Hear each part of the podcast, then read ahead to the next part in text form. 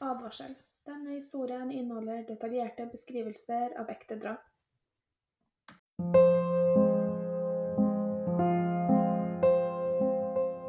Stacey møtte Michael Wallis da hun var 17 år. Hun følte at han var hennes store kjærlighet. Hun sier at fem minutter etter at hun møtte han, visste hun at hun skulle gifte seg med han. Hun blir beskrevet som om hun aldri hadde vært så lykkelig som etter hun møtte Michael. De giftet seg og fikk sitt første barn, Ashley, i 1988. I 1991 kom deres andre datter, Bree.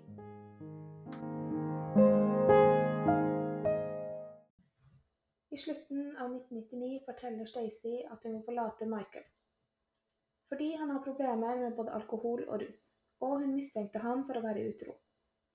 Men hun bestemmer seg for å vente til julen er over, så de får en siste fine høytid sammen som familie. Men under høytiden begynner Michael å føle seg veldig syk. De rundt han forteller at han oppførte seg ustabilt. Han hostet, spydde og var veldig hoven i kroppen. Han slet med å gå og med å prate. Dette vedvarer, og de rundt han prøver å få han til å besøke en lege. Men før han rekker det, dør 38 år gammel Michael på sofaen. Datteren Ashley, som var hjemme med han denne dagen, ringte moren og fortalte at han lagde rare grimaser. Datteren er da 11 år gammel og skjønner ikke at han egentlig sliter med å puste. Legene mente han døde av hjerteinfarkt, men dette klarte ikke søsteren hans å slå seg til ro med, og ber om en obduksjon. Dette nekter Stacey, så han begraves. I 2003 gifter Stacey seg på nytt med David Castor. Barna hennes er ikke så glade for dette, da de ikke ville at faren deres skulle bli erstattet. Men David sier tydelig fra til jentene at han ikke vil være deres far. Han har allerede en sønn og vil ikke ha flere. Det var ofte dårlig stemning mellom David og jentene til Stacey. Han forventet at de skulle gjøre alt han bedde de om, uten spørsmål. Men det ville ikke de. David og Stacey skulle hatt et godt forhold, i hvert fall i begynnelsen. Men i 2005 ville han reise på en tur, bare de to. Men Stacey ville ikke forlate ungene sine alene i to uker så de krangler en del over dette.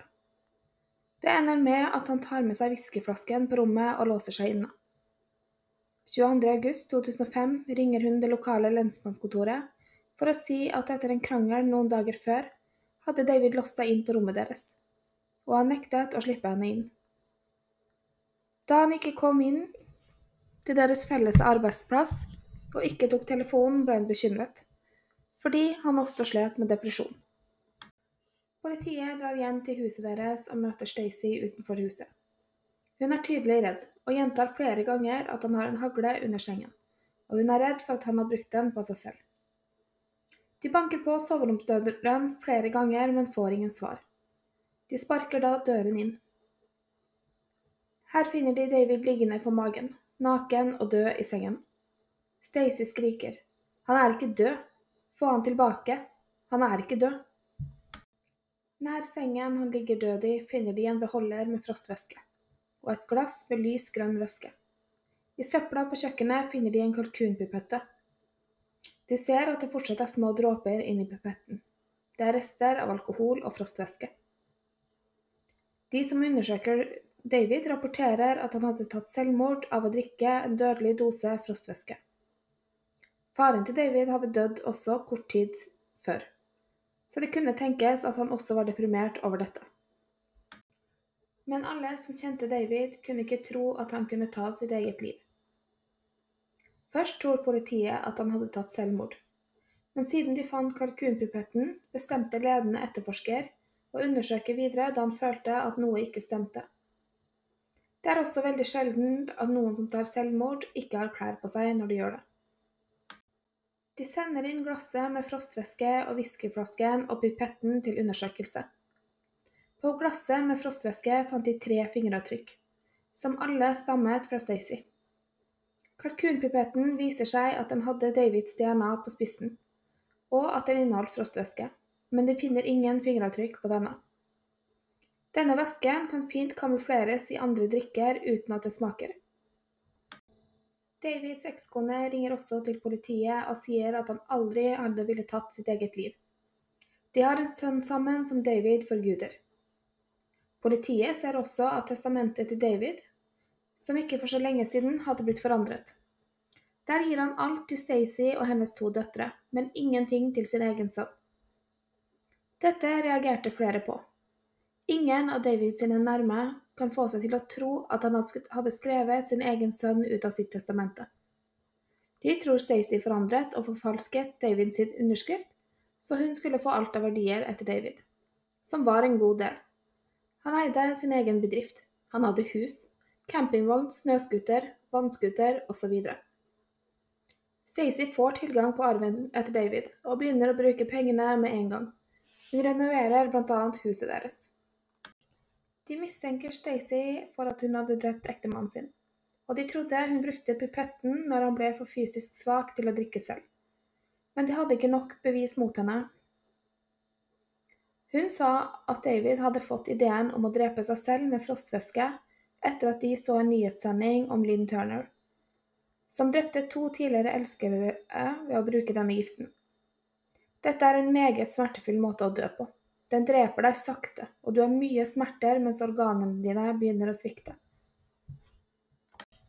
De begynner å avlytte telefonen og huset til Stacey, men ingenting av betydning blir sagt. Hennes to ektemenn lå ved siden av hverandre på kirkegården. Hennes navn var allerede skrevet inn i hennes første mann sin. Politiet bestemmer seg nå for å grave opp liket til hennes første mann, og ved nærmere undersøkelser av han viser det tydelig at han også hadde blitt rett gjennom frostvæskeforgiftning. De drar hjem til Stacey og informerer henne om funnet deres. Hun virker veldig nervøs og sjokkert over at de er der. Hun trodde at de hadde henlagt sakene, og visste ikke at de jobbet videre med dem. Hun sier at hun ikke vil snakke mer med politimennene, og at hun skal finne seg en advokat. De setter opp kamera utenfor huset hennes og på kirkegården.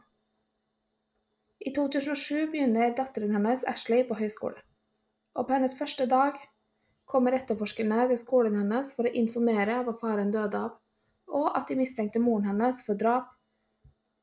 Hun kan ikke tro dette, Faren døde jo av hjerteinfarkt. Ashley blir oppringt og ringer moren sin, som har sin telefon avlyttet. Moren blir tydelig irritert over at de kom på skolen hennes. Moren inviterte henne hjem for å drikke sammen.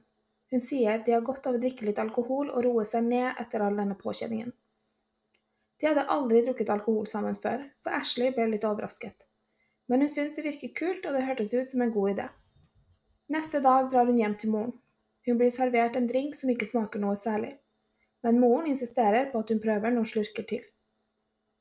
17 timer senere blir 20 år gamle Ashley funnet i koma i sengen av sin søster. Stacy ringer 911. Ashleys søster forlater søsteren og sengen et øyeblikk, og når hun kommer tilbake, finner hun et selvmordsbrev ved siden av Ashley.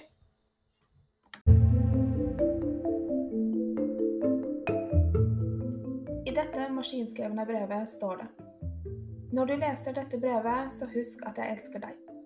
Og alt jeg gjorde, er fordi jeg elsker deg. Jeg er lei meg for at alt dette skjer med deg. Men nå får alle vite hva som virkelig skjedde. De vil få vite at det ikke var deg, det var meg. Ingen skulle noen gang få vite hva som skjedde med pappa. Han drakk og røykte hasj. Han var slem mot deg og meg. Han elsket bare Bree. Jeg kunne ikke la han være slem med deg mer. Du tror jeg ikke husker, men jeg husker. Og jeg vil ikke leve slik mer. Det var ikke rettferdig for deg og meg. Pappa var ikke snill mot deg og meg, bare mot Bri. Jeg holdt ikke ut lenger. Politiet sa at de fant frostvæske i pappa. Men fortalte de noen om rottevegiften også? Når jeg kom hjem fra skolen den dagen, visste jeg hva som skjedde. Pappa slet med å puste. Jeg visste han kom til å dø. Derfor ringte jeg aldri noen som kunne hjelpe han. Jeg ville være sikker på at han aldri kom til å være slem mot deg og meg igjen. Han døde før jeg hentet bly på skolen den dagen. Jeg så på at han døde, og jeg visste at han kunne ikke såre deg mer. Så var vi lykkelige i en periode, bare vi tre. Så giftet du deg med David. Han var også slem mot deg. Han var slem mot oss alle.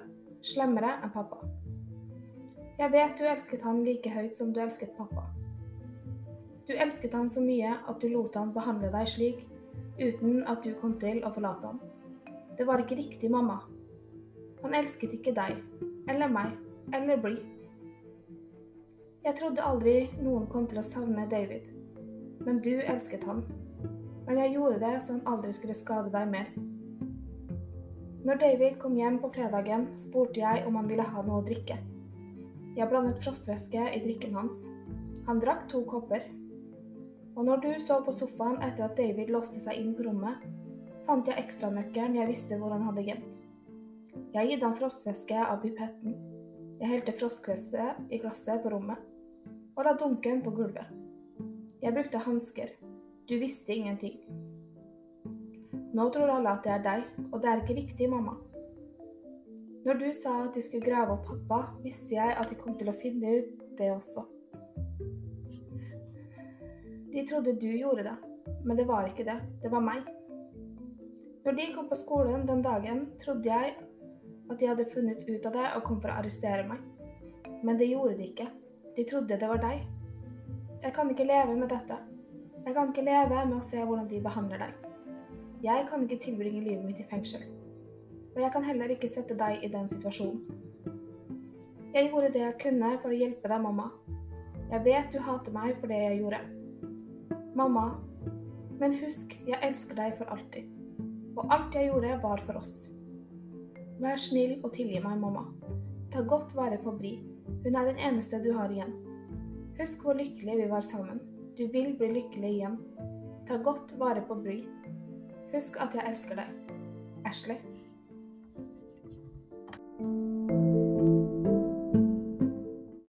Stacey var veldig opptatt av å få gitt dette brevet til ambulansen når de hentet Ashley. På sykehuset finner de dødelige mengder smertestillende i Ashley, og at hun hadde mest sannsynlig dødd om hun hadde kommet inn noen minutter senere. Ashley våkner opp fra koma med at en lege står og skriker til henne. Hvor mange piller har du tatt? Ashley skjønner ingenting. En politimann får spurt henne om hun prøvde å ta selvmord. Hun sier at det eneste hun husker, er at hun følte seg full og gikk for å la seg og hvile litt, og det neste hun husker, er at legen som skriker til henne hvor mange piller hun har tatt. Etterforskerne forteller henne om selvmordsbrevet som skal være fra henne, der hun innrømmer drap på sin egen far og stefar. Øynene til Ashley blir vidåpne, hun forstår ingenting. Hun har verken prøvd å ta selvmord eller skrevet et brev om at hun har drept noen. Ashley skjønner at moren faktisk har prøvd å ta livet av henne, og gir henne skylden for drapene på faren og stefaren. Politiet skjønner fort at de har med en ond person å gjøre, og bestemmer seg for å arrestere Stacey på sykehuset, for drap på Michael og David, og drapsforsøk på datteren Ashley. Forsvaret til Stacey prøvde under hele rettssaken å legge skylden på datteren Ashley. De sier at Bri alltid var farens favorittbarn, og Ashley var sjalu over dette. Så de la skylden på at elleve år gamle Ashley drepte sin egen far, far på grunn av sjalusi. Og når David kom inn i livet deres og skulle bestemme over henne, tok hun livet av han. Moren til Stacey, bestemoren til Ashley, tror også at det var Ashley som gjorde dette. Hun kan ikke tro at sin egen datter kunne ha drept sine to ektemenn. Etterforskerne konkluderte med at Stacey hadde matet mannen sin med frostvæske i fire dager, før hun prøvde å få det til å se ut som et selvmord. Hun forsøkte også å drepe sin egen datter Ashley med å gi henne en giftig cocktail bestående av knuste piller blandet med vodka og appelsinjuice. Selvmordsbrevet hadde hun skrevet på dataen hun hadde i huset, hun hadde skrevet det ut på skriveren sin på et tidspunkt Ashley ikke var til stede. De mente hun drepte ektemannen sine for penger, for å ta ut livsforsikringen deres og få eiendommen. Hun hadde også endret testamentet til David for å etterlate alt til seg selv, og Davids sønn fra tidligere ekteskap fikk ingenting. Hun kunne ikke bli dømt for drapet på Michael. Stacey hadde ingen reaksjoner i retten. Hun ble funnet skyldig og dømt til 25 år til livstid i fengsel. Sønnen og ekskonen til David fikk gravsteinen hans flyttet til et annet sted langt borte fra der Stacey en dag skulle begraves. Stacey holdt på sin forklaring om at datteren hadde drept begge. Stacey døde 11.6.2016 av et hjerteinfarkt.